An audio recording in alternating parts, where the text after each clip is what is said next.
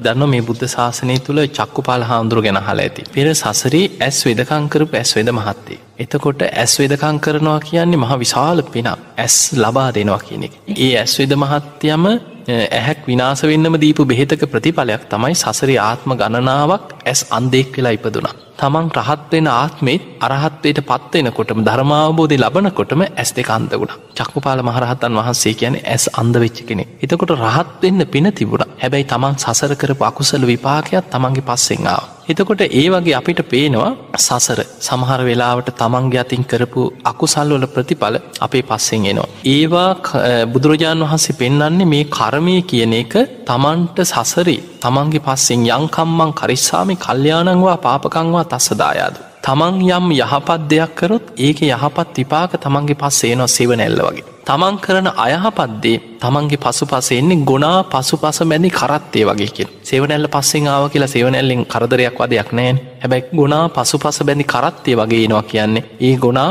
අර කරත්තය ඇදගෙන යන්නේ මොනතරන් දුකක් වේදනාවක් ඇතුවද. සසර දුක්ගැහැට විඳවිඳ විපාක විඳ විඳ අපි කරපු අකුසල් අපිට සසර ගෙවාගෙන යන්න වෙනවා. ඒ නිසා අපි සසර අකුසල් තමන්ගේ පස්සෙන් ආවට අපිට කුසල් බලින් ඒව යටපත් කරන්නත් පුළුවන්. ඒ නිසා අපි පුළුවන් තරං උත්සාහ කරන්නට ඕනෑ දැන් ඇස් දන්දීම කියන එක. සසර බොහෝ විශාල පිනක් මේ ඇස්පේ නැතියට ඇස් දුරුවල වෙනයට සමහර වෙලාටින උපතින් අන්දයි ඒවිතරක් නෙමේ ඇස් සමහරලාට හොඳට පෙනීම තිබිල කාලයක් යනකට ඇස් නොපෙනියන. ඊළඟට ශරීරය නොයෙක් මේ රෝගාබාධ නිසා හිටි ගමන් ඇස් පෙනීම නැතු යනයි දැන් ඔයි සීනී වගේ වැඩි වෙලා සමහරට හිටිගමන් ඇස් පෙනීම දුරුවල වෙලා ඇස්පේ නැතු යනයි. සමහර අයට යම් කිසි අන්නතුරු ඇක්සිඩන්ට් එකක් මොනොහරි ඒවගේ හේතු මත සමලාට ඇස්පෙනීම නැතිවෙන. මේ වගේ නොයෙක් හදිසි අනතුරු නිසා රෝගාබාධ නිසා උපතින් හෝ යම් හේතුවක් නිසා හෝ ඇස්පෙනීම් නැතිවෙන්න පුළුවන්. හැබැයි අපි උත්සාහ කරන්නට ඕනේ සසරේ ඇස් ලැබීම පිණිස මේ මේ ඇස් දෙක පේන්න විතරක් නෙමේ එතනින් එහා ගිය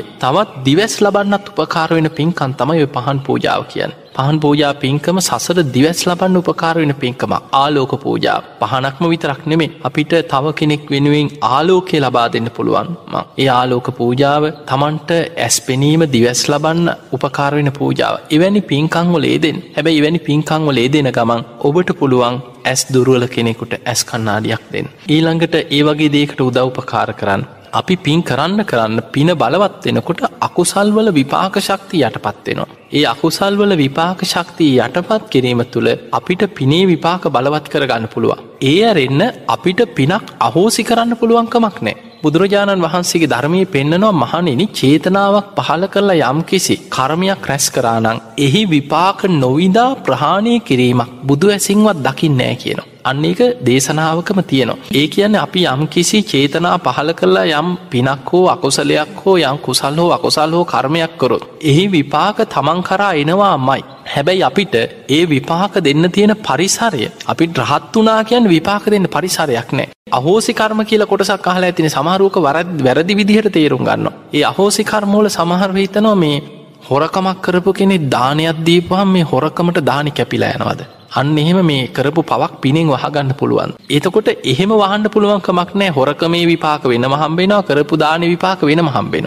හැබැයි අපිට දැන් අපි ගම අපිට සසරි කරපු අකුසල්වල විපාක අපිට එනවා දුක් ගැහැට කරදර ප්‍රශ්න එනවා. එතකොට අපි ධර්මය දන්න කෙනෙක්නම් කර්ම කරම්ඵල විශ්වාස කරන කෙනෙක් නම් එයාට ධර්මය තුළින් තේරෙනවා මේ මම සසරි කරපු කර්ම මගේ පස්සෙන් එන්නේ. හැබැයි ඒවා විඳගෙන වැඩි වැඩියෙන් පින් කරන්න පින් කරන්න කුසල් වඩන්න කුසල් වඩන්න සිල් රකින්න රකින්න දිට්ට දම්ම වේදනය වසයෙන් පින බලවත්වෙනවා. ඒ පින බලවත් එනකොට අකුසල්වල විපාක ශක්ති යටපත්වෙනවා. ඒ විදිහට යටපත් කරගෙන පින බලවත් කරගන්න පුළුවන්. අන්නේ විදිහට අපිට තාව කාලිකව අකුසල් විපාක යටපත් කර ගනිමින් පින බලවත් කරගන්න පුළුවන් වැඩිපුර පින් කිරීම තුළ. හැබැයි අපිට සසර ආයමත් මේ යටපත් වනා ගැන ඒවා අහෝසිවීමක් නෙමේ විපාක දීලම යහෝසිවෙන් හැබැයි අපිට ඒවා යටපත් කරලා ඉක්මනින්ම නිවන් අවබෝධ කර ගැනීම තුළ අන්න ඒවා අහෝසි කර්ම බවට පත් කරන්න පුළුව අහෝසි කර්ම කියන මෙන්න මේ දැන් අපි හිතමු කෙනෙක් සෝවාන් වුණා. සෝවාන් වනාට පස්සේ අපායගාමි අකුසල් සියල් අහෝසි වෙනවා. එයා සතරාපා උපදින්නේ.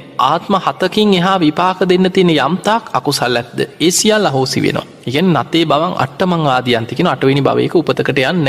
ඊළඟට යම් කෙනෙක් හොදට භාවනා කළ වීරියෙන් ධර්මය දියුණු කරලා තමන්ගේ මොන කරදර ප්‍රශ්නාවත් එයා කොහොම හරි මේ ජීවිතේ සකදාගාමයනවා. එයා කාමලෝකෙක් වතාවක් ඉපදිලා පිරිනිවම් පාන එතනින් එහා විපාක දෙන්න තියෙන සියලු කර්ම හෝසිවෙන්. අනාගාමි වෙච්ච කෙනා කාමලෝක විපාක් දෙන්න තියෙන සියලු කර්ම හෝසි කරනවා. එයා බමලෝ ඉපදිලා සුද්ධවාස බ්‍රහ්ම ලෝකෙ හි පිරිනිවන් පාන. රහත් වෙච්ච කෙනාට පිරිනිවන් පානකං විතරයි කර්ම විපාක දෙන්නේ. එතනින් එහා සසරේ විපාක දෙන්න යම්තා කර්මත ඇද්ද ඒ සියල් අහෝසි වෙලායනවා. එතකොට ඔය වගේ මේ ධර්මාවබෝධය තුළ අහෝසි කරන ක්‍රමයක් මිසක්. එතනින් මෙහා අපිට ඕන විදිහට අපේ පිනේ විපාක අනුව මේ පව් නැති කරගන්න අහෝසි කරගන්න මේක නික පව් සමා කරනවා වගේ එහෙම මේ කරගන්න පුළුවන් ක්‍රමයක් ධර්මය තුළ බුද්ධ දේශනාවල බුදුරජාණන් වහස විස්තර කරන්න එහෙම කරන්න පුළුවන්කමක් නෑ එක විපාක තමන් කරයිනවා හැබැයි අපිට යම්මට්ටමින් හරි බේරෙන්න්න පුළුවන් ඒ අකුසල් එනකොට මේක මගේ කරුමේද මේක කරුමේ තමයි මංකරපු දේකගේ කර්මයට බැන බැනයිදල අපිට බේරෙන්න්න බෑ. පුළුවන් තරම් පින් කරන්න. ඒ පින් කරන්න කරන්න පිනේ විපාක මතු වෙනවා පිනේ විපා විපාක බලවත් වෙනකොට අර අකුසල්වල විපාක එහෙමම යටපත් කරගන්න පුළුවන්. ඒ තුළ පුළුවන් තරං වීරියෙන් ධර්මාබෝධය පිණිස මහන්සි ගැනීම තුළ මේ කර්ම විපාක දෙන්න තියෙන පරිසරෙන් නැති කිරීම තුළින් තමන්ට නිවන කරාගිහිල්ලා මේ අකුසල්ලොලින් මි දෙන්න පුළුවන්කම තියෙනවා.